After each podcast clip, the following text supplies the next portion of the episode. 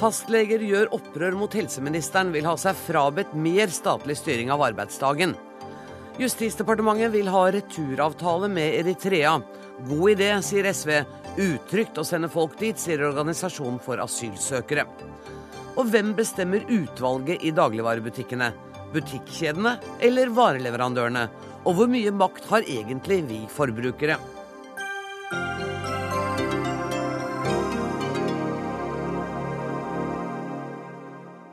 I løpet av sendinga skal vi også snakke om faren til Karius og Baktus, for det er 100 år siden Torbjørn Egner ble født. Men aller først. Regjeringens nye forslag til fastlegeforskrift har ført til opprør blant fastlegene. Høyre mener at helseministeren har håndtert dette så dårlig at hun rett og slett bør begynne prosessen på nytt. Forslaget ble sendt ut rett før jul og har en høringsfrist 22.3. I ettermiddag møtte helseminister Anne Grete Strøm Eriksen representanter for fastlegene. Og velkommen, statsråd. Hva kom ut av dette møtet? Nei, Det var et uh, hyggelig møte. Vi, uh, jeg ble overrakt uh, underskrifter og et brev. og ellers så presiserte jeg selvfølgelig at vi nå har en forskrift som er sendt ut på høring. Og vi tar alle konstruktive høringsinnspill med oss. Det viktigste er at pasientene får kortere ventetid, at de kommer lettere igjennom på telefonen og at de som har behov for det, får hjemmebesøk. Det er de viktigste punktene i det høringsforslaget som dere har sendt ut? Ja, For oss er det det viktigste, fordi vi ønsker en, eh, en fastlegeordning som er, er eh, Folk er veldig fornøyd med den, men vi ønsker en mer enhetlig ordning over hele landet. Og det gjør inntrykk å høre en del pasienter som ikke kommer igjennom på telefonen, ikke får time, eh, og som trenger hjemmebesøk og ikke får det. Bent Høyre, dere, Høyre mener at hele prosessen bør startes på nytt. Hvorfor det? Nei, Det er fordi at dette er kommet eh, skjevt ut, og at en eh, nå er i fare for å faktisk ødelegge hele fastlegeordningen, som jeg er enig med helseministeren er en god ordning. Det er den delen av helsevesenet våre pasienter er mest fornøyd med. Og det er òg den delen av helsevesenet som kanskje er mest effektiv. Og en av årsakene til det er jo at fastlegene stort sett driver sin egen virksomhet og, og er opptatt av å ta vare på sine, sine pasienter.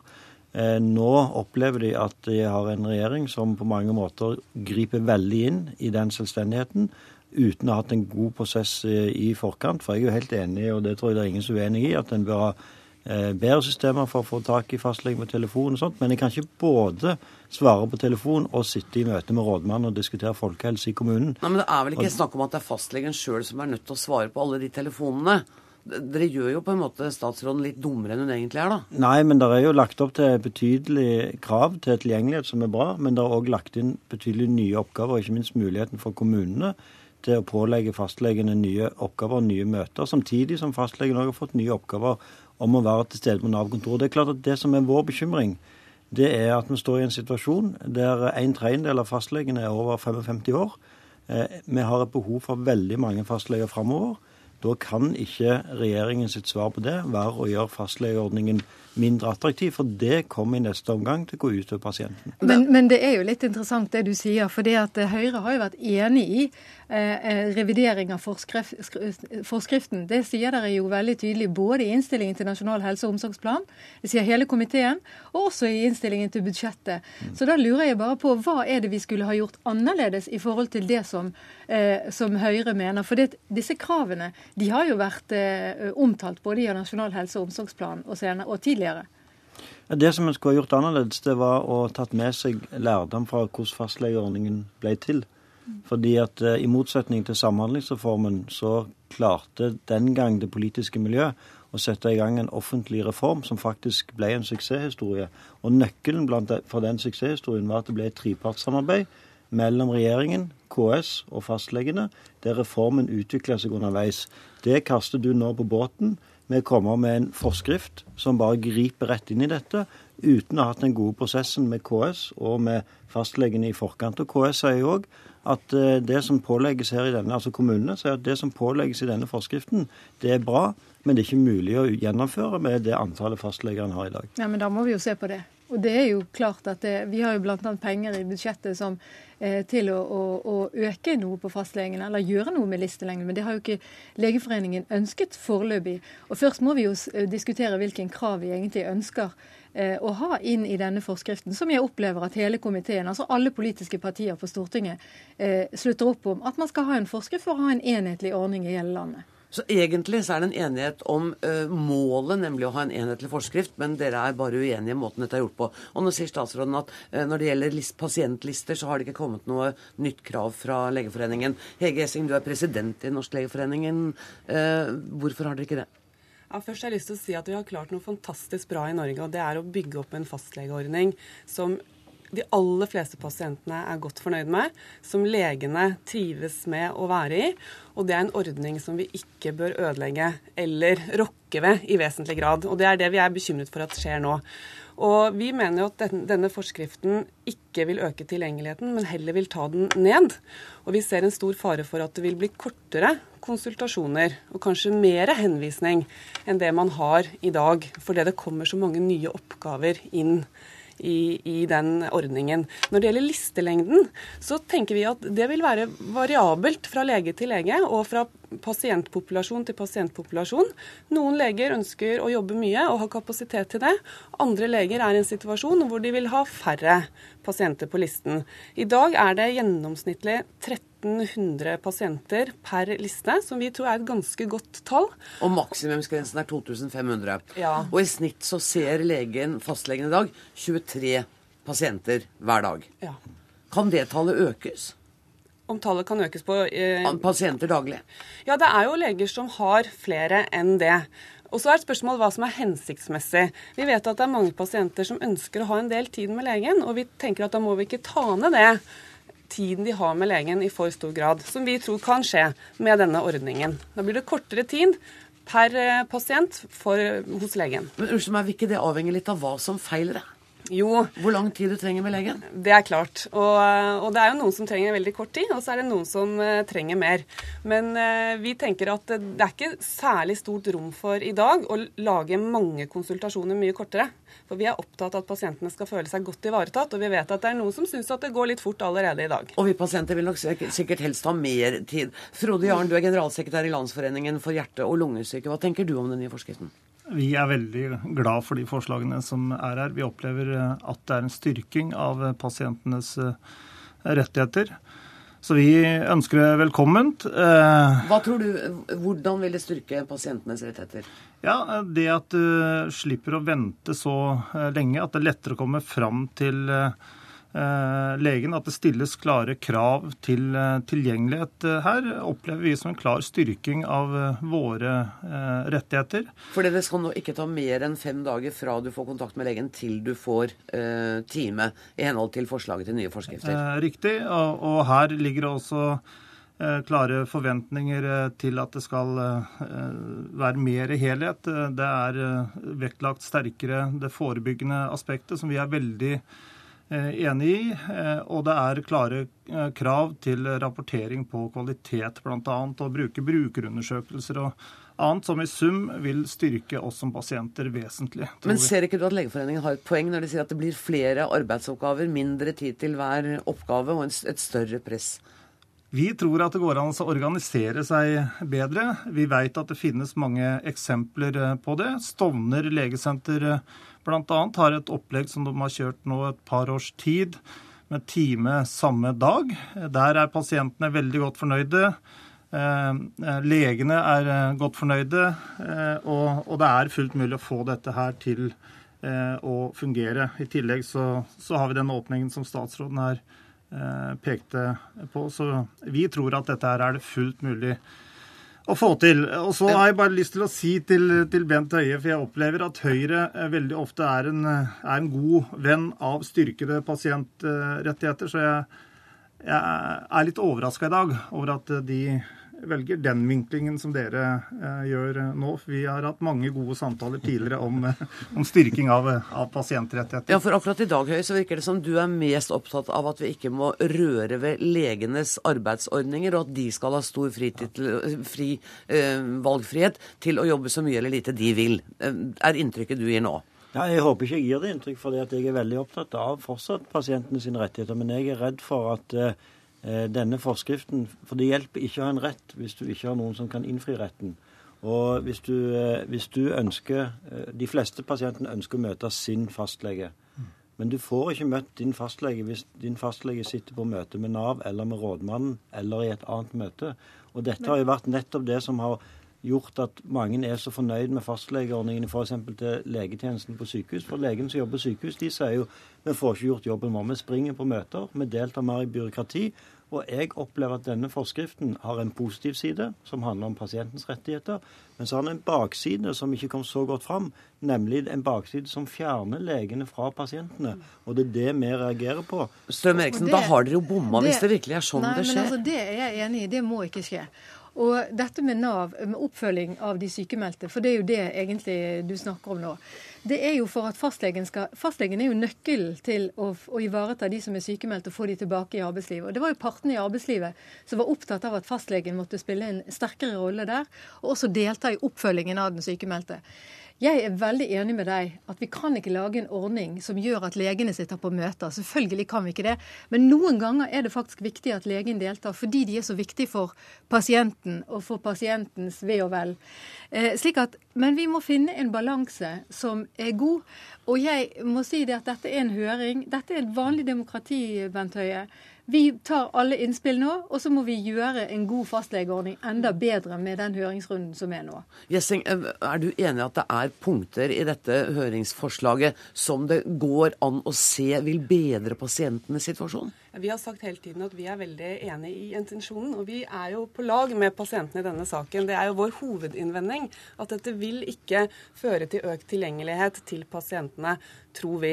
Og du ser jo den sterke reaksjonen som har kommet fra fastlegen i denne saken. Men vi har ikke hørt så mange pasienter, da. Og det er veldig ja. mange pasienter som, som Strøm Eriksen sier, har problemer med å komme i kontakt med fastlegen sin. Ja, og vi vil at det skal være gode muligheter til kontakt, og vi tror det kan forbedres. Og så ønsker vi å bidra til kvalitetsmål, nasjonale kvalitetsmål. Og så vi er, vi er opptatt av en viktig ting til, og det er at alle eh, fastleger i Norge bør være spesialister, eller være på vei til å bli spesialister. Det har vi jobbet for lenge, sånn har det ennå ikke blitt. Da vil alle være i et system hvor de også oppdaterer seg faglig gjennom hele karrieren. Noen være... av dine medlemmer har truet med å gå ut av fastlegeordningen hvis disse forskriftene går gjennom. Ja, hvor mange tror du det gjelder? Vi vet ikke hvor mange det er, men uansett så tenker vi at dette er litt alvorlig. for da vil du få en todeling. Og det er jo et marked nå for å drive helprivat. Og bare noen gjør det, så har du allerede andre som vil få dårligere tilgjengelighet til den offentlige legetjenesten. Og det mener vi er uheldig. Så dette ser vi alvorlig på. Og det er, det er jeg veldig enig med deg. Mm. Altså, det er en veldig utfordring. Men problemet er at hvis pasientene ikke opplever å komme gjennom til sin egen fastlege, så blir de tvunget inn i et privat helsevesen. Så det at ikke man har tilgjengelighet i det offentlige, det også er med på å, å lage en todeling. Og Derfor så mener jeg det er så viktig at vi har god dialog med Legeforeningen for å finne en god balanse på denne forskriften, sånn at det blir til det beste for pasientene og befolkningen. Vi hører være en statsråd som er eh, villig til å høre på alle innsigelser. Hvor lang tid kommer det til å ta um, fra høringsfristen går ut den 22. mars, og til dere legger fram et forslag, tror du? Nei, altså, vi, eh, vi, må jo se hvor mange innspill som kommer i høringsrunden. og Her høres det jo ut som det kan komme mange. og Jeg har jo mottatt en rekke underskrifter i dag mm. og skal selvfølgelig ta med det. Men det er jo viktig å høre hva pasientorganisasjonene, hva KS sier. Eh, så vi må jo ta med oss alle, og så skal vi ha god dialog med alle parter. For det er klart at vi ønsker at dette skal være til beste for pasientene, og at det skal også være eh, vilkår som gjør at legene trives på jobben sin. Det er viktig for oss, det òg. Da sier jeg bare på gjensyn ved neste korsvei til Drammenshallen. alle. Tusen takk for at dere kom. Anne Grete Strøm Eriksen, helseminister. Bent Høie, leder i helse- og omsorgskomiteen på Stortinget for Høyre. Hege Gjessing, president i Norske legeforening. Og Frode Jarn, generalsekretær i Landsforeningen for hjerte- og lungesyke uke. Og da sier jeg velkommen til deg, Jan Grunn, professor i helseledelse ved Høgskolen i Oslo og Akershus. Hvor presset er helseministeren på dette punktet med fastlegeforskriftene? Nei, Hun har jo gode intensjoner, vil øke tilgjengeligheten for pasientene. Men det fikk jo godt illustrert at hun sitter mellom prisgrupper hele tiden. Hun mm. sitter mellom legene og pasientene og myndighetenes forventninger. Så det er en vanskelig oppgave. Det er sånn det er å være helseminister.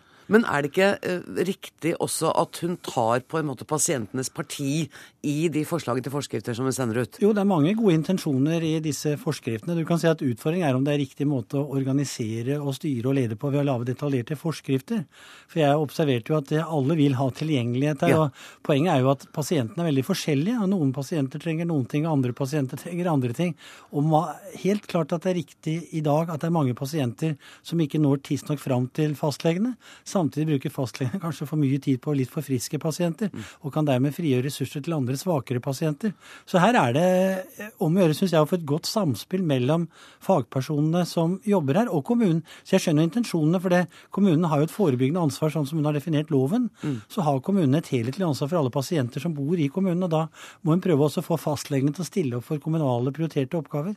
Men, men, er det også en, en, noe alderdommelig yrkestradisjon vi ser hos legene her, som sier nei, ikke rør noe på min frihet til å arbeide så mye eller så lite som jeg vil. Altså her, ingen reguleringer av min arbeidstid. Det, det må jo vi andre tåle. Ja, og legene er jo tradisjonelt vært en liberalistisk yrke som gradvis har blitt innpasset i offentlig styrte rammer og sånn. Og nå fikk jo fastlegene ganske gode vilkår, for å si det sånn. Mm. Så jeg skjønner jo litt myndighetenes intensjoner i dette. Samtidig kan jeg også forstå at man kanskje, som Bent eh, Høie sa, at man burde kanskje hatt bedre prosesser hvor liksom Legeforeningen og KS var ansvarliggjorte med når forskriftsforslagene kom. Mm. Men dette er jo så ledd i en politisk prosess. Dette er jo bare et forslag til eh, tiltak. Og så kan man jo da gjennom denne prosessen kanskje få de helt riktige tiltakene. Eh, er fastlegeordningen også blitt for dyr? Er det derfor man trenger å effektivisere den? De får altså 380 kroner per pasient eh, på lista si, og en liste kan inneholde inntil 2500 pasienter. Jeg syns det er et veldig viktig sånn forebyggende tiltak at vi har fastlege. Så jeg er usikker på om man egentlig kan si at den er for dyr. For det, vi trenger et fast punkt å forholde oss til. Men det er jo klart Sammenlignet med mange andre prioriterte oppgaver, nå for denne veldig veksten i antall gamle som kommer, så vil vi trenge ressurser på mange områder. og Det er jo det som er utfordringen i helsevesenet. Teknologien stormer frem, og vi får stadig vekk nye medisiner. Og helseministeren sitter i dette marerittet mellom eh, balansen mellom krav og forventninger fra alle grupper. Og omsorg til For det er stadig flere eldre mennesker vil bo hjemme, vil bo hjemme. og vil dø hjemme. Det stiller jo ja. også krav til en medisinsk omsorg mot slutten av livet. Det stilles veldig store krav, og det, det, det er jo det som er eh, utfordringen. og Du kan si at det er ingen land som klarer å løse dette på noen ideell måte. Alle strever med å finne gode ordninger. Mm. Og jeg syns at vi i Norge har vært flinke med å lage den fastlegeordningen, så jeg håper jo ikke at den blir ødelagt. Så jeg håper på et konstruktivt samarbeid med de partene som satt her. Til slutt, professor Jan Grønt. Statsråden står i stormvær på mange områder. Hun har byttet ut ut uh, nesten to hele helseforetaksstyrer. Um, er det umulig for henne å vinne igjennom med, med de intensjonene hun har? Nei, Hun har jo store ambisjoner, og du kan si at eh, det som skjedde i går med Helse Midt-Norge, så har hun jo hatt en del vanskeligheter mellom sykehusene i Molde og Kristiansund. og Hun mm. trodde vel at det styret hadde klart å legge planer hvor de kunne bygge ut innenfor de rammer hun hadde gitt dem. Så jeg, jeg skjønner på mange måter at hun blir frustrert over at ikke man får gjennomført de intensjonene hun har. Og i dag gikk flertallet av Helse Sør-Øst eh, styremedlemmer også? Ja, og det er jo klart at det er store utfordringer å få både Oslo universitetssykehus og Ahus og Vestre Viken til å fungere godt. Er løsningen å sparke styret? Styremedlem? Nei, Det er jeg ikke sikker på. Jeg, jeg ser at hun har laget veldig politiserte styrer og sånn, og jeg er usikker på det. Hvor, hvor at uh, en skal ha en balanse. Et styre, styre skal jo på mange måter gjennomføre statsrådens mål. Så jeg skjønner jo at hun ønsker å ha styrer som kan tenke på regjeringens helsepolitikk og tenke på alle innbyggerne i en region. Og det, hvordan du da setter sammen et sånt styre, vil alltid være uenighet om. Mm. Vi får rett og slett se hvordan det går, så får du komme tilbake og analysere når vi ser effekten av det. Ja, det er morsomt for forskere dette her, for det vil alltid være en levende debatt. Det fins aldri noen helt perfekt løsning, om helsevesenet vil alltid være underveis. Takk skal du ha, professor Jan Grønt.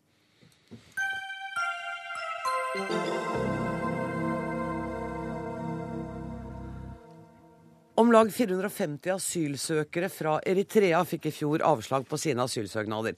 Justisdepartementet arbeider nå med å få i stand en avtale som vil åpne for å tvangsreturnere disse, skriver Klassekampen. Dette til tross for at Eritrea kritiseres for omfattende brudd på menneskerettighetene.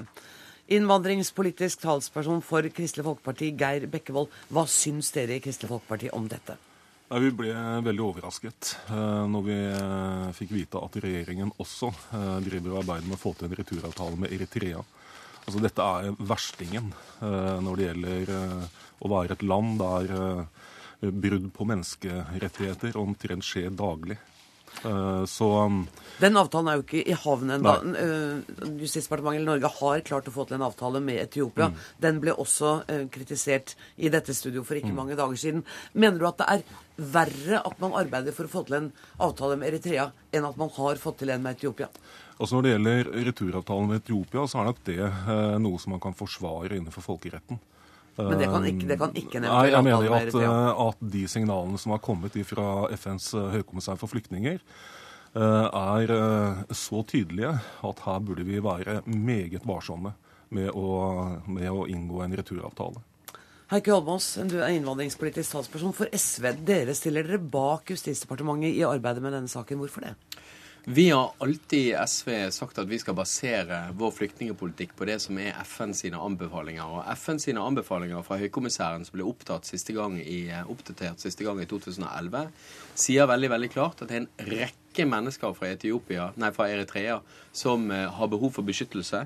Folk som, uh, altså folk som er innrullert til militær nasjonalservice, altså nasjonaltjeneste.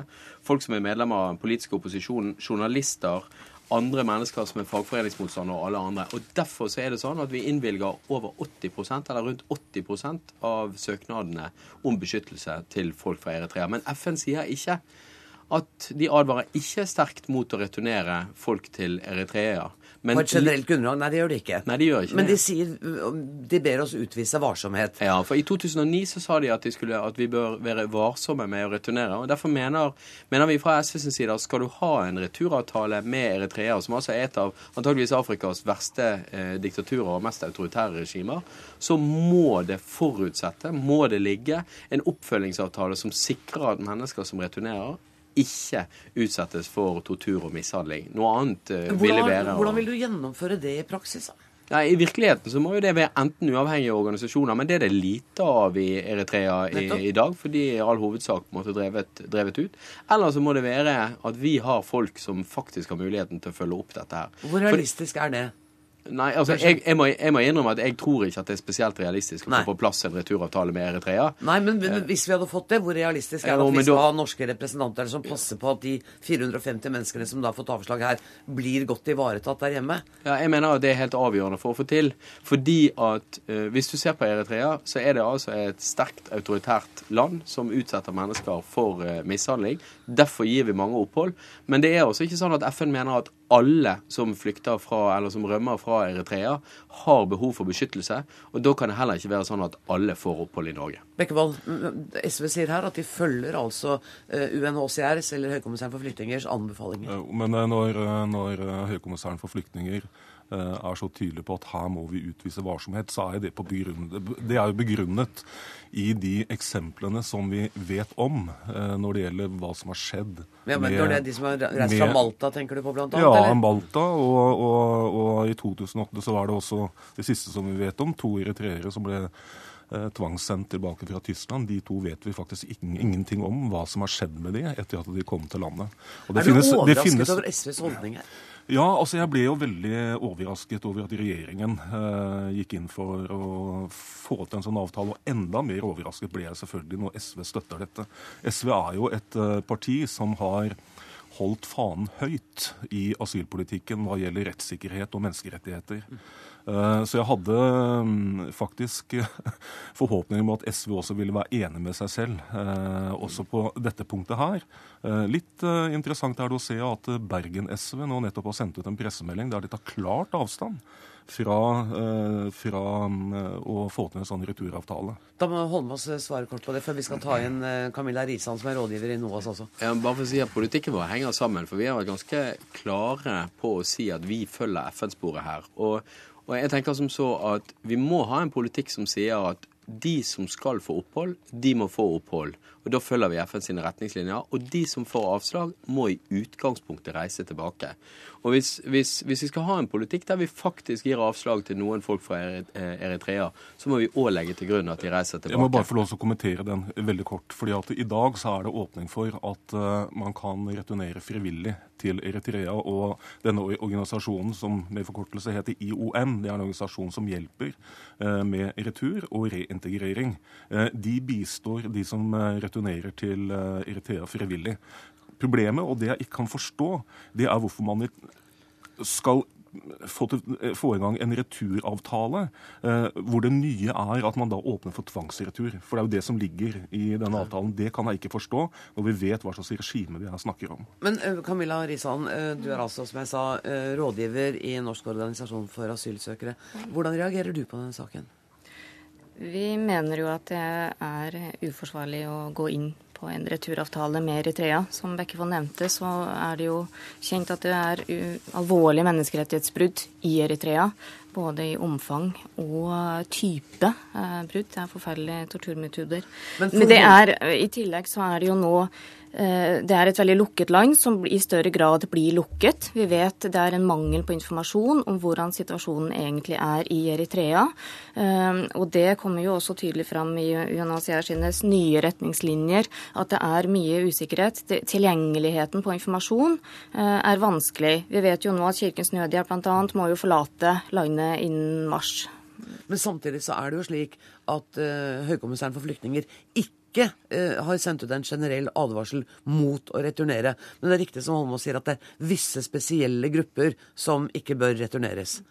De har, de, tidligere så har de jo sagt at de ikke anbefaler retur. Vi har ikke hørt noe om at de spesifikt sier at nå åpner vi opp for at tvangsretur uh, kan være mulig. Det vi ser i retningslinjene fra 2009, som nå uh, på en måte er erstatta av nye retningslinjene fra 2011, det er jo det at de viser til eksempler, nettopp som ble nevnt, om tvangsretur som ikke har uh, gått bra. Ja, men Vi har vært i kontakt med Nordens representant for altså høykommissær høykommissærens representant i Norden, som sier at eh, FN per dags dato gir retningslinjer for retur, og peker på nettopp at det er en rekke grupper som er i behov av internasjonal beskyttelse, slik du sa. Men det er altså ikke en generell advarsel, bare så vi har brakt det på det rene.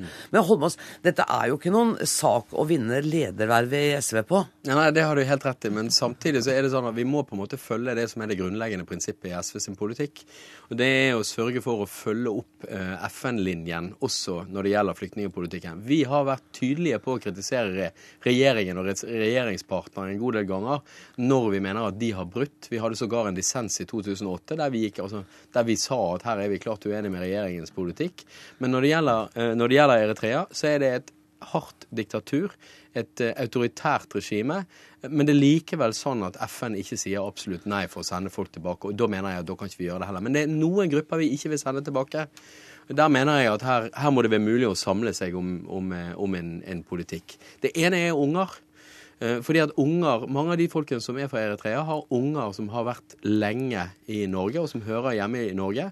Og det er avgjørende å få på plass en politikk i løpet av kort tid som sørger for at ingen unger som hører hjemme i Norge, blir sendt ut enten til Etiopia eller Eritrea. Eller noe som helst annet land. Ikke sant. Og den andre gruppen, det er folk som har vært lenge. Fordi at NRK hadde i dag et intervju med en mann som har vært her 20 år mm. pga. at det ikke har vært tvangsretur. Og Norge er et et annerledes land i, eh, i, politikken overfor folk som har vært lenge. I Storbritannia har nettopp sørget for at 160 000 mennesker som har vært lenge der, faktisk har fått bli værende. Og vi må ha en sånn type ordning. I Storbritannia er det seks til åtte år. I Sverige så går det bare et år, og i Finland likeså.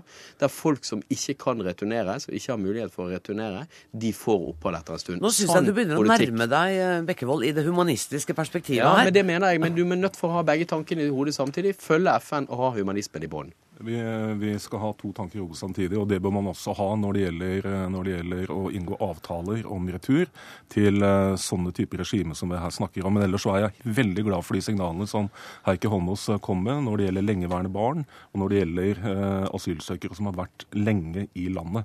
Der må vi, der må vi ha en endra politikk. Kan, det som også skuffer meg, det er at vi her altså bruker tid og ressurser på å inngå returavtaler med Etiopia, med Eritrea, istedenfor å bruke ressursene internt i regjeringen for å bli enige seg imellom, sånn at vi kan få denne meldingen om barn på flukt, som vi nå har gått og ventet på i snart et år. Og vet du hva, og den skuffelsen den må dere på en måte rydde opp i på veien ut. Jeg har tenkt å kaste dere ut, men si takk da for at dere kom. Heikki Holmås, som er innvandringspolitisk talsperson for SV, Geir Bekkevold, innvandringspolitisk talsperson for Kristelig Folkeparti, og Camilla Risan, rådgiver i NOAS. Takk skal dere ha.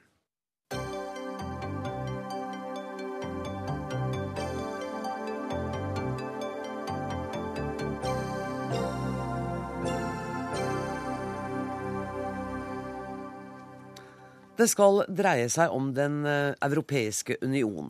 For i går ble 25 av 27 medlemsland enige om å få på plass en ny finanspakt. Den skal sørge for bedre økonomisk styring i unionen. Eller hva? Økonomikommentator her i NRK, Steinar Mediås. Jo, det skal den helt sikkert. Kommer den til å gjøre det? Ja. Angela Merkel har i hvert fall greid Å få 25 land nå til å binde seg til masta, så å si, det er jo litt mer enn de 17 eurolandene som var ute i hardt vær tidligere. Eh, dette kommer jo helt sikkert til å bidra til eh, litt større disiplin på dekk. Det bidrar også til at Angela Merkel får kanskje lettere for å bruke penger til Europas krisefond. Men det kommer ikke til å stilne den finansielle stormen i Europa. Hva slags pakt er det? Går det an å forklare det? Det er en pakt som minner mye om det man hadde før. Altså en, skal, her skal det være disiplin, det skal være ordning og reda. Man skal ikke få lov til å ta opp gjeld det ikke er grunnlag for å greie å betjene. Man skal ikke få lov til å ha for mye underskudd på sine budsjetter. Altså Kort sagt ordnung mot sein. Ta på dere hodetelefonene, for vi skal snakke med Hege Moe Eriksen, vår europakorrespondent, som er i Brussel. Hvordan har avtalen blitt mottatt i Europa, Hege? Det er ingen eh, stormende applaus akkurat etter gårsdagens toppmøte. Og det er få som tror at denne ferske pakten faktisk vil løse eurokrisen. Men det er klart at det er en stor seier for eh, Angela Merkel. Dette er en pakt med hennes stempel på seg. Det er en pakt som er meislet ut etter tysk mal og tysk disiplin. Og som det ble sagt, så eh, vil det altså innebære strenge regler for budsjettdisiplin for medlemslandene. Og holder de ikke disse reglene, så kan de bli trukket for EU EU-domstolen og dømt der. Slik at uh, dette er en pakt som springer ut av Tysklands tolkning av gjeldskrisen. Nettopp at krisa skyldes dette skjødesløse forbruket som uh, land som har levd over evne i årevis. Og at dersom man får kontroll med det, så vil man også kunne løse krisa. Men det er det da mange som er uenige med henne i. Uh, men nå blir altså denne økonomiske nøkternheten da nedfelt i lov i mange EU-land. Og nå blir den tvunget på folk. Eh, er det noen som da mener at den strenge disiplinen og nøkternheten vil komme til å kunne bidra i hvert fall til å bedre den økonomiske situasjonen som preger EU? Ja, På sikt så vil den jo sørge for en sunn økonomi, men den løser nok ikke eurosonens største problem. Og det er nå at økonomier er på vei inn i nedgangstider. Det er tap av konkurransekraft for eurosonen og en enorm skjevhet mellom nord og sør. Og så er det ikke minst en arbeidsledighet som er eh, i ferd med å bli skremmende høy. I dag kom det nye tall som viser at denne ledigheten er rekordhøy. I eurosonen er nå én av ti mennesker arbeidsledig. I Spania er er det rekordmange 23% av folket som er uten jobb. Og blant unge så er det vanvittige 50 over 50% som ikke har uh, noe jobb å gå til. Og Det man trenger å gjøre i EU, og det begynner man også nå å innse, det er å skape vekst og arbeidsplasser. Men dette er en tøff oppgave, og det er en også noe schizofren oppgave. Fordi man, man, vil både stramme inn og man vil skape vekst. Og Det ene betyr å bruke mindre, og det andre betyr å bruke mer. Og I tillegg så risikerer man jo også at tiltak for å spare kan torpedere veksten. Eh, sånn at dette er en vanskelig spagatøvelse for EU, det å få eurosonen på rett kjøl igjen. Tusen takk for at du var med oss, eh, Hege Mo Eriksen. Anne-Elisabeth Stie, du er forsker tilknyttet Arenasenteret for europaforskning ved Universitetet i Oslo. Hva betyr dette for EU, denne pakten? Ja, vi kan jo ikke vite hvordan dette her blir. Eh, men i avtalen så ligger det et forslag om mer overnasjonalitet og tettere europeisk integrasjon på et veldig viktig politikkfelt, altså nemlig eh, økonomien. Og EU vil få innflytelse på et helt sentralt statsdefinerende felt. Et felt som kan sies å gå til kjernen av nasjonal, nasjonal suverenitet. For unionen ser ut til å kanskje kunne blande seg inn i den nasjonale eh, budsjettsyklusen til medlemslandene. Men altså, hvordan dette her vil utspille seg i praksis, det er jo vanskelig å si. Og her er juryen fortsatt ute. Men du, det skal gis bøter da, til medlemsland som bryter regelverket. Mm. Hva skjer hvis kriteriene brytes gang på gang, f.eks.? Ja, altså, Nå skal jo EU-domstolen dømme i disse sakene, og, det, og, dommen skal være bindende, og det er lov å ilegge bot. Um, uh, hvordan dette her vil se ut i praksis, det kan man jo ikke vite, men den gamle stabilitetspakten var jo ikke så veldig godt etterlevd. Nei. Og her uh, var det noen land som var likere enn andre. Uh, og hvordan dette kommer til å se ut, det vet vi jo ikke. Men EUs vilje til å inngå sånne avtaler ser ut til å være litt større enn kanskje hvordan de gjennomfører og etterlever den. Ja, men Antyder du at altså, for Hva er sanksjonsmulighetene eh, man har overfor medlemsland som bryter EUs regelverk? Man har eh, EU-domstolen som kan dømme, men til syvende og sist så er man avhengig av at medlemsstatene faktisk etterfølger de reglene. Nettopp. Og sånne kriser som dette, fører det da til at EU blir mer samlet, eller blir de mer splitta? Det er igjen òg veldig vanskelig å si noe om sånn i, i, i forkant. Men eh, og hvordan den avtalen vil fungere i praksis. Og som det ble nevnt eh, fra Hegemo Eriksen, så har jo EU veldig høy eh, arbeidsledighet. Og det er stor sosial uro i Europa om dagen. Så hvilken vei dette her kan gå, det vet vi ikke. Og dessuten er det jo òg andre eksterne eh, årsaker til, til, krisen. Men det man kan si, er at eh, tidligere, altså historisk sett, så har jo kriser ofte trigga økt integrasjon i Europa. Og Maastricht-avtalen kom jo i stand på, på bakgrunn av, eh, av eh, den kalde krigens fall og Berlinmurens fall og, og Tysklands gjenforening. Men du, Og så er det uh, dette samarbeidet mellom Sarkozy og, og Merkel, som på en måte, som for oss utenforstående ser ut som går litt sånn på sida av det som er EUs formelle oppbygning. Er det riktig observert? Det er riktig observert. Altså, Måten beslutningene fattes på i disse dager må jo sies å være veldig adhoc. Altså nå under eurokrisen. Og det er jo liksom duoen Mercosy, Angela Merkel og Nicolas Sarkozy, som leder an. og Beslutningene de ble jo fatta utenfor de tradisjonelle kanalene, utenfor traktatsverket, og, og de vanlige prosedyrene og prosessene ble ikke fulgt når det gjelder eurokrisen. Steinar Medios, hva betyr denne finanspakten for EU fremover, sånn som du ser det nå? Noen vil vel si, som statsviterne sier, at dette er et arbeid i retning av større og større integrasjon i Europa, et større samhold. Men samtidig så er det jo utrolig mye spenninger, fordi at dette samholdet har man jo prøvd på før. Vi vet jo at uh, man har hatt uh, sterke krav for å komme inn i den eksklusive eurosonen. Man, ingen overlevde, eller levde opp til de kriteriene som lå der den gangen. Alle sammen trådte over. Men markedet har jo nå dømt dette nord og ned. Det går ikke lenger an å si, bygge opp velferdsstater i Europa basert på lånte penger. Det sier markedet stopp for. Og, og Storbritannia er jo ikke blitt mer EU-entusiastiske den siste tiden?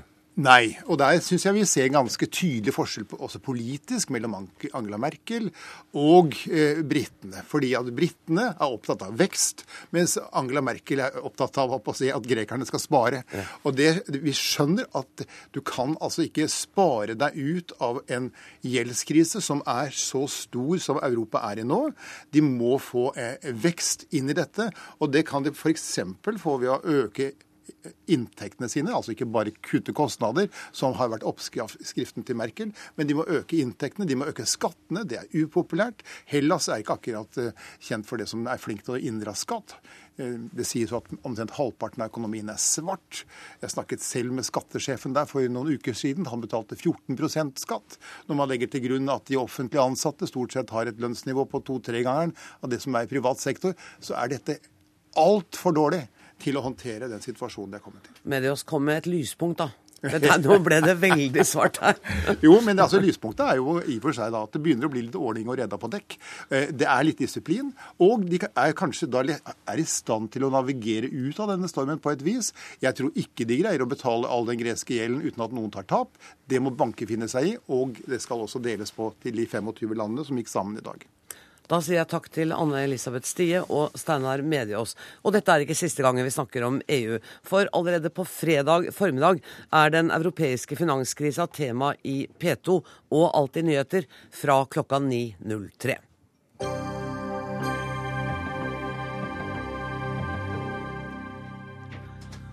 Nå skal vi snakke om mat og makta over maten. For hvem er det som bestemmer hva som skal selges i dagligvarebutikkene her til lands? Er det butikkjedene, eller er det vareleverandørene som bør ha siste ord i saken? Bent Sofus Tranøy, du er førsteamanuensis, og du var medlem av Matkjedeutvalget. Du sier at Konkurransetilsynet i praksis fungerer som dagligvarekjedenes interessekontor i gårsdagens VG. Hva mener du? Altså, dette er en kronikk jeg egentlig ikke hadde lyst til å skrive. Eh, men etter å ha fulgt eh, Konkurransetilsynets opptreden helt fra Matkjedeutvalget leverte sin rapport i eh, april i fjor, så er det liksom stigende undring og etter hvert irritasjon sett hvordan Konkurransetilsynet har tatt på seg rollen som en, en politisk agitator som har forsøkt å diskreditere Matkjedeutvalgets innstilling. Og det går på altså den dagen, eller dagen etter at rapporten var mottatt, så var konkurransedirektøren ute med, med en, en, kronikk hvor hun i og for seg slaktet hele rapporten. Det har vært total eller ja, en total mangel på vilje til dialog. og forstå at Kanskje vi har funnet noe nytt, kanskje vi har funnet noe interessant. man kan snakke om. Det har liksom bare vært opptatt av å feie tilbake problemer under teppet. Alvorlige problemer som hemmer det norske matmarkedet, og som rammer norske forbrukere. Minn meg på hva noen av dem er. Ja, disse problemene er f.eks. At, eh, at vi fant at, eh, at eh, de store dagligvarekjedene ber om å få utlevert priskalkyler fra sine leverandører. Det hører ikke hjemme i et konkurransemarked. Hvorfor ikke det? Fordi at uh, man skal ikke ha innsyn i, i den andres kostnadsstruktur. Det er liksom bare det er, del av spillereglene. De ber om oppskrifter, eller resepter som de kaller det i bransjen, som gjør at du i neste omgang kan lage kopiprodukter, hive ut originalprodukter fra hyllen. Eh, og så står det der eh, og har, En annen har tatt hele kostnaden og risikoen med å utvikle et nytt produkt. Så det vil altså si at innovasjon og nyskapning i matmarkedet blir en risikosport i den grad slik eh, oppførsel forekommer. Et annet problem er at det kreves inn store beløp som ikke er knytta direkte til varestrømmene, men som har si, diffuse formål. Gjenytelsen er diffus. altså Det er en slags avgift for i det hele tatt å komme inn i butikken. Dette er et internasjonalt problem. Eh, eh, og vi har dokumentert at det foregår i stort omfang i Norge. Og det, er, altså, det gjør varene dyrere. Og det er en, en form for atferd som kaller det en utvekst som ikke burde være i markedet. Og det vi har foreslått, er jeg vil kalle det en forsiktig lov, et forsiktig ombud for å regulere noen av disse utvekstene. Eh, eller forsøke å regulere dem. Og så har vi liksom fått høre at dere forsøker å føre makten tilbake til leverandørene. Og nå vil leverandørene kunne bestemme alt. Og det er en helt urimelig fortolkning. Det er ikke dekning for den tolkningen i den teksten vi har skrevet. Ta på deg hodetelefonene, så skal vi snakke med Magnus Gabrielsen, som er avdelingsdirektør i Konkurransetilsynet. Gi meg bare ett sekund, Gabrielsen, for jeg tror Trondheim må ha et glass vann. Um, Gabrielsen, uh, du hørte denne gravsame salve mot uh, Konkurransetilsynet. Er dere i lomma på butikkjedene? Nei, selvfølgelig ikke. Og jeg blir litt overrasket over uh, eh, Tranøys påstand, selv om det sikkert er spissformulert. Eh, så er det klart at eh, Konkurransetilsynet vi har samme mål i dagligvaremarkedet som i andre markeder. Vi er opptatt av å fremme konkurranse fordi det gir effektiv ressursbruk. Det tjener forbrukerne. Men er Tranøy helt på jordet med de poengene han kommer med her? Eh, jeg tror først og fremst at vi har ganske ulik innfallsvinkel når vi analyserer dagligvaremarkedet. Og at det kanskje er noe av grunnen til at Tranøy ikke kjenner seg igjen i våre analyser. Vi er opptatt av konkurransen mellom dagligvarekjedene. Fordi at sterk konkurranse mellom kjedene det er en forutsetning for et godt tilbud til forbrukerne. Men vi er opptatt av at når vi ser på kjedenes makt og analyserer den, da må vi greie å skille mellom kjedenes makt når de er innkjøpere og når de er selgere. Er det det du mener Trane ikke klarer å skille? Ja, der har jeg et inntrykk av at han ikke greier å oppfatte våre poenger. Fordi at ja. vårt poeng det er at vi ønsker at kjedene skal være sterke når de forhandler med leverandørene. Men derimot så er vi opptatt av at kjedene må ha tøff konkurranse seg imellom. Så dere er begge to enige om at det er meg som forbruker dere skal tjene, jeg skal komme ja. bedre ut av det, men dere er uenige om veien dit, er det sånn? Nei, altså, jeg... Matkjedeutvalgets eh, rapport er helt klar. Kjede, kjedemakt er en god ting. Det har bidratt til å presse ned prisene. Allikevel blir vi stadig, Det er en av grunnene til at, eh, at jeg skrev den kritikken, blir stadig fremstilt fra Konkurransetilsynets side som at vi ikke liker kjedemakt. Det vi sier er at det er eller det, la meg, holde, la meg snakke på egne vegne første gang. Det jeg sier, er at det leder til Makten er av en slik karakter at det leder til en del utvekster i oppførselen. De, de tar seg friheter som de ikke hadde kunnet gjort hvis ikke de hadde vært så overlegne som de er. Eh, og essensen i en slik analyse Altså, jeg deler eh, Gabrielsens analyse av at sterke kjeder kan gi lavere priser. Mm. Men akkurat som, samme måte som at vi ønsker oss et sterkt politi for å forebygge forbrytelser, så ønsker vi ikke at politiet skal banke opp folk på cella. Det er, det, er, grenser for maktbruk. Det er ikke sånn at bare jo mer, jo mer, jo mer kjedemakt, jo bedre er det. Eh, Og disse eksemplene som, eh, som, jeg ga på uakseptabel oppførsel, opplever jeg at Konkurransetilsynet ikke er villig til å ta i tur med. De sier at nei, de kan ikke se at dette forekommer. Og Vi liksom kan gå tilbake til det verdensbildet som vi, som vi, alltid har hatt. Men dette er et problem som du ser i Europa, eh, og du ser det i Norge. Og det gjelder f.eks. produkter, altså kopier av produkter? Ja, jeg har til, altså, det er et vanskelig terreng å være i. for jeg, har, jeg får eksempler av folk i bransjen som jeg ikke får lov å viderefortelle fordi de er redd for straffen fra matkjedene. Og da blir det jo litt vanskelig for Gabrielsen ja, ja, ja, å holde debatten gående med deg? Hvis jeg får lov å ta en altså det, ja, det blir en, det en parallell jeg nødig vil bruke, men det minner litt om å vitne mot mafiaen. ikke sant? Kan, altså, det, ikke, det her er ikke liv som står på spill. Det er næringsøkonomisk overlevelse. Eh, men det er altså folk som ikke, ikke, ikke tør å stå fram eh, med det de vet. Men essensen i vår maktanalyse, den er hvem er det som trenger den andre parten mest? Og Det er her jeg mener Konkurransetilsynet tar feil når de når de snakker om sin uh, viktig med, med, kjedemakt. For det er, Selv om du har to leverandører og fire butikker, så tenker Konkurransetilsynet to er sterkere enn fire, for da trenger, sant, man trenger de to mer enn man trenger de fire. Ja. Men det er faktisk omvendt. Hvis du, er, hvis du er leverandør og mister én av butikkene, så kan du tape alt. Og det, det, betyr at butikkene har et voldsomt tak på dem. Det er ingen butikker som ikke, som ikke klarer seg uten et bestemt produkt. Altså, det, de, det, du ser at de gjør, når de, la si de bare har to eller tre leverandører, da. det de gjør, er at de begynner å utvikle en egen merkevare. Så hiver du ut en av de gamle, tradisjonelle. Ja. Så det er butikkene som bestemmer hvor mye som skal være i varene, hvor mange produkter som skal være i, i hyllene. Her, her tror jeg eh, Trane er litt for enkel i analysen. For eh, vi ser jo i mange av leverandørmarkedene at vi har sterke leverandører som kjedene ikke kan greie seg uten. Og jeg har sett i kronikken til Tranøy at han framstiller det som om vi forbrukere vi er lojale mot butikken, men ikke mot merkene. Det er jeg overrasket over at han hevder. for vi vet jo fra undersøkelser bl.a. fra Norsk institutt for landbruksøkonomisk forskning at norske forbrukeres lojalitet til sterke merkevarer den er betydelig. Og det var jo bl.a. en av grunnene til at Lidl, som satset på egne merkevarer og prøvde å greie seg uten de sterke norske merkene, fikk problemer.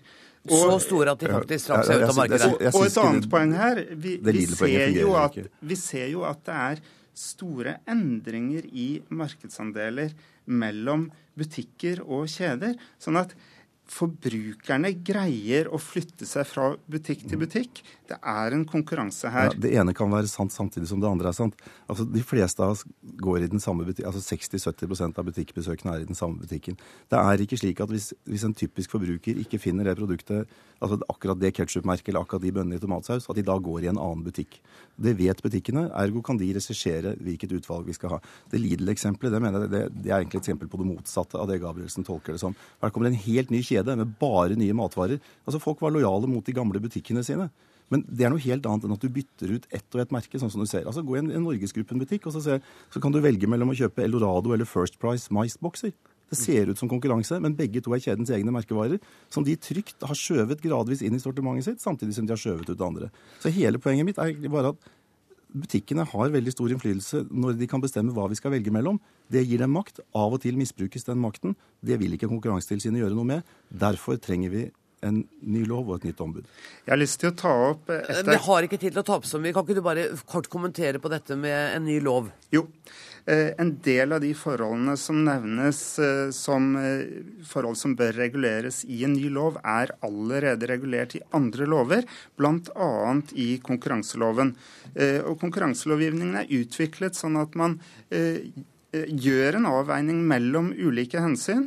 Eh, og vi er skeptiske til at en ny lovgivning, altså en dobbeltregulering på en del områder, vil gjøre forholdene bedre for næringsdrivende eller forbrukerne. Og, der setter jeg punktum. Vet du hva, Der er jeg nødt til å sette punktum, fordi vi har eh, mer på hjertet i Dagsnytt 18. Men jeg sier takk til Magnus Gabrielsen, avdelingsdirektør i Konkurransetilsynet, og Ben Sofus Strane, førsteamanuensis i statsvitenskap og medlem av Matkjedeutvalget. Eh, vi kommer vel ikke så mye lenger enn vi gjorde forrige gang vi diskuterte dette, mine herrer, men vi trenger jo ikke å gi opp av den grunn. Dagsnytt 18 alle hverdager klokka 18.03 på NRK P2.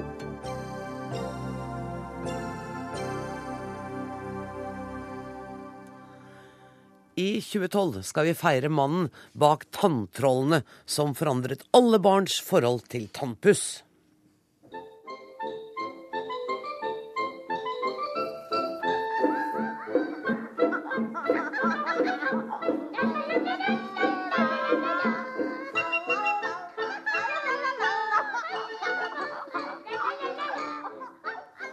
12.12.2012 er det nemlig 100 år siden Torbjørn Egner ble født. I den anledning skal bl.a. Hakkebakkeskogen bygges opp rett bak Kardemomme by i Dyreparken i Kristiansand. Og flere bøker skal gis ut på nytt, bl.a. på urdu og somali, og som app, selvfølgelig. Eh, Anne Kristin Lande, du er bibliotekleder ved Norsk barnebokinstitutt og er en av arrangørene av Egner-året. Hva tror du er grunnen til at historiene til Egner holder for generasjon etter generasjon? De er gode, eh, og så er det veldig flotte illustrasjoner. Eh, de, de sier noe veldig sånn allmenngyldig om mange ting. Eh, og så er det gjenkjennelse. De er hyggelige, søte. De sier noe Ja, de er veldig fine. Og de blir ikke umoderne. Nei, de gjør jo ikke det. De, de, de lever virkelig sitt eget liv. Og vi tror jo, eller jeg tror i hvert fall at, at Egners historier har vært helt uendret siden han skrev dem første gang. Og så har du eh, fortalt til kolleger av meg i dag at det finnes f.eks. ikke mindre enn tre versjoner av Karius og Baktus. Ja, det stemmer det. Og det er jo noe av det som jeg syns er mest morsomt med Egner. Det er jo hans evne til å fornye seg og til å revidere sine egne tekster. Det er jo nesten ingen forfattere som gjør det. Eh, Men han skrev jo fortellingen om Karius og Baktus første gang, altså i 1941. Eh, Og da er det jo til og med en tredje person med i bildet, men det er jo i og for seg en hemmelighet som vi kanskje ikke kan røpe. Og så kommer det som bildebok eh, i 49. Og før det kommer så langt, så har det vært hørespill i Lørdagsbarnetimen. Så kommer det som eh, animert film med Caprino i 55. Og så kommer den versjonen som de fleste av oss kjenner, som kom da i 48. Det er det- Unnskyld, 58. 58, Det er den boka som ligger er ligger ja. Men er det forskjellig slutt i de tre utgavene, eller havner de alltid på en flåte? Nei, altså første, gangen, altså første to gangene de fortelles, så havner de jo rett og slett i sluket. Sånn at eh, historien har jo liksom to varianter. da, At de ikke Altså at norske barn ikke ville pusse tenner lenger. For de ville jo ikke drepe disse søte Søte. trollene. Det var den ene historien. Den andre kom Altså jeg tror den siste slutten med, med flåten kom i eh, forbindelse med Caprino-filmen. For du kan jo ikke drepe heltene i en film. Nei. Det. De må jo på en måte se inn i solnedgangen, eller altså Og gis en mulighet, om ikke annet. ja, de må jo det. Og så er jo eh, Torbjørn Egner også denne store teatermannen og kapellmester på Nationaltheatret, Per Christian Revold. Det er ikke få oppsetninger av Torbjørn Egner du har vært med på. Eh, vet du hvor mange? Kom litt nærmere mikrofonen. Jeg kan godt tenke meg at jeg har gjort en 700-800 forestillinger. Så jeg har hatt en del Tante Sofier og, og, og, og Hvem, hvem er den mest sinna tante Sofie du har hatt, da? Altså, det er, noe Er det Mari Maurstad eller Kari Simonsen? Mari var ganske sint. Men du skulle ikke være så sint at det gikk over grensen. Nei. Du skulle være litt riktig sint. det skulle komme fra hjertet, det sinnet. Du, og, og, og, det, og på nasjonalt, eller på scenene, så lever jo Egners forestillinger eh, fortsatt. Hvordan var han som instruktør? Altså, jeg hadde han eh, som instruktør ved Riksteatret et par ganger, og jeg opplevde han som veldig målrettet, det han ville. Og, og han var jo en totalkunstner. Altså, Jeg ynder å si at han var en slags Richard Wagner. Okay. Han skrev både teksten, han skrev musikken, i hvert fall til eh, Folk og røvere. Og så lagde han dekorasjonen og kostymene. Og så hadde han veldig klare meninger om han, hvordan skuespillerne skulle framsi dette her. Så vi satt med sånne piler i manuskriptet, og det vil si at endingen skulle gå ned eller opp. På setningene? Ja, ja, ja. ja. Sludder og vås. Skulle ikke sludder og vås. Sludder og vås. Altså, Det var veldig nøye. og det Dette kunne jo kanskje bli litt vanskelig for en del skuespillere, men, men det var Jo, men det er greit nok, og Så kan man liksom jatte med han i prøveperioden. Men han, så han noen gang forestillingen etterpå for å sjekke at det ble sånn, eller? Ja, han kom eh, og gjorde det. Men han var veldig sjenerøs. Og jeg husker en, en, en Hakke Bakkeskog på Riksteatret, så, så kunne han ikke være til stede ved premieren. Men han ga inspisienten en sjekk som ikke var eh, skrevet ut summen. Han sa 'jeg betaler festen', sånn. Og det var jo, eh, forteller jo veldig mye om han som menneske, da. Syns musikere og skuespillere fortsatt at det er gøy med egne? Ja, det er klart at det Men vi, har jo hele tiden en diskusjon om hva som kan fornyes, og hva som kan endres og moderniseres. Ja. Det, den, den debatten har vi jo hele tiden. Men det er klart at når vi merker at det er eh, begeistrede publikum, og, og barna er eh, fulle av spenning og, og glede, så har vi fått en bonus, vi, altså. Anne Kristin Lande, tror du på jeg holdt på å si nesten et evig liv for Torbjørn Egner? I hvert fall så langt fram som vi kan se nå. Ja, det, ja, det, det tror jeg absolutt. Ja. Absolutt. Er det ikke litt, det er ikke litt søtt og for enkelt da, for ungene av vår tid? Jeg tror ikke man skal lese det som så naivt, faktisk. For det er, det, er, veldig mye sånn undertekst i disse bøkene. Det er, det er uh, veldig øh, gode altså, ideer, det er gode fortellinger. Det er, det er uh, veldig mye bra med de fortellingene. Og det er jo ikke veldig mange småbarnsbøker som har levd så lenge. Og det, det sier jo noe om kvaliteten. Og det er vel også dette med det fargerike med illustrasjonene, og det at du kan oppleve det Ja, det er jo det. Illustrasjonene er jo fantastiske. Og jeg, nå hører jo jeg til den generasjonen som syns at de eldste illustrasjonene er de fineste. Altså. Ja, det kan du se. Og så er det jo sånn med ham da, at det er gøy selv for oss som er godt eh, voksne. Vi skal i hvert fall være med å feire Torbjørn Egner nå i 2012. Tusen takk for at dere kom i studio, Anne Kristin Lande og Per Kristian Revold. Det nærmer seg slutten på nok en Dagsnytt 18-sending. Ansvarlig i har vært vaktsjef Dag Dørum. Det tekniske ansvaret har Odd Slåttland, og jeg heter Anne Grosvold. I morgen sitter Sverre Tom Radøy på denne stolen. Takk for nå.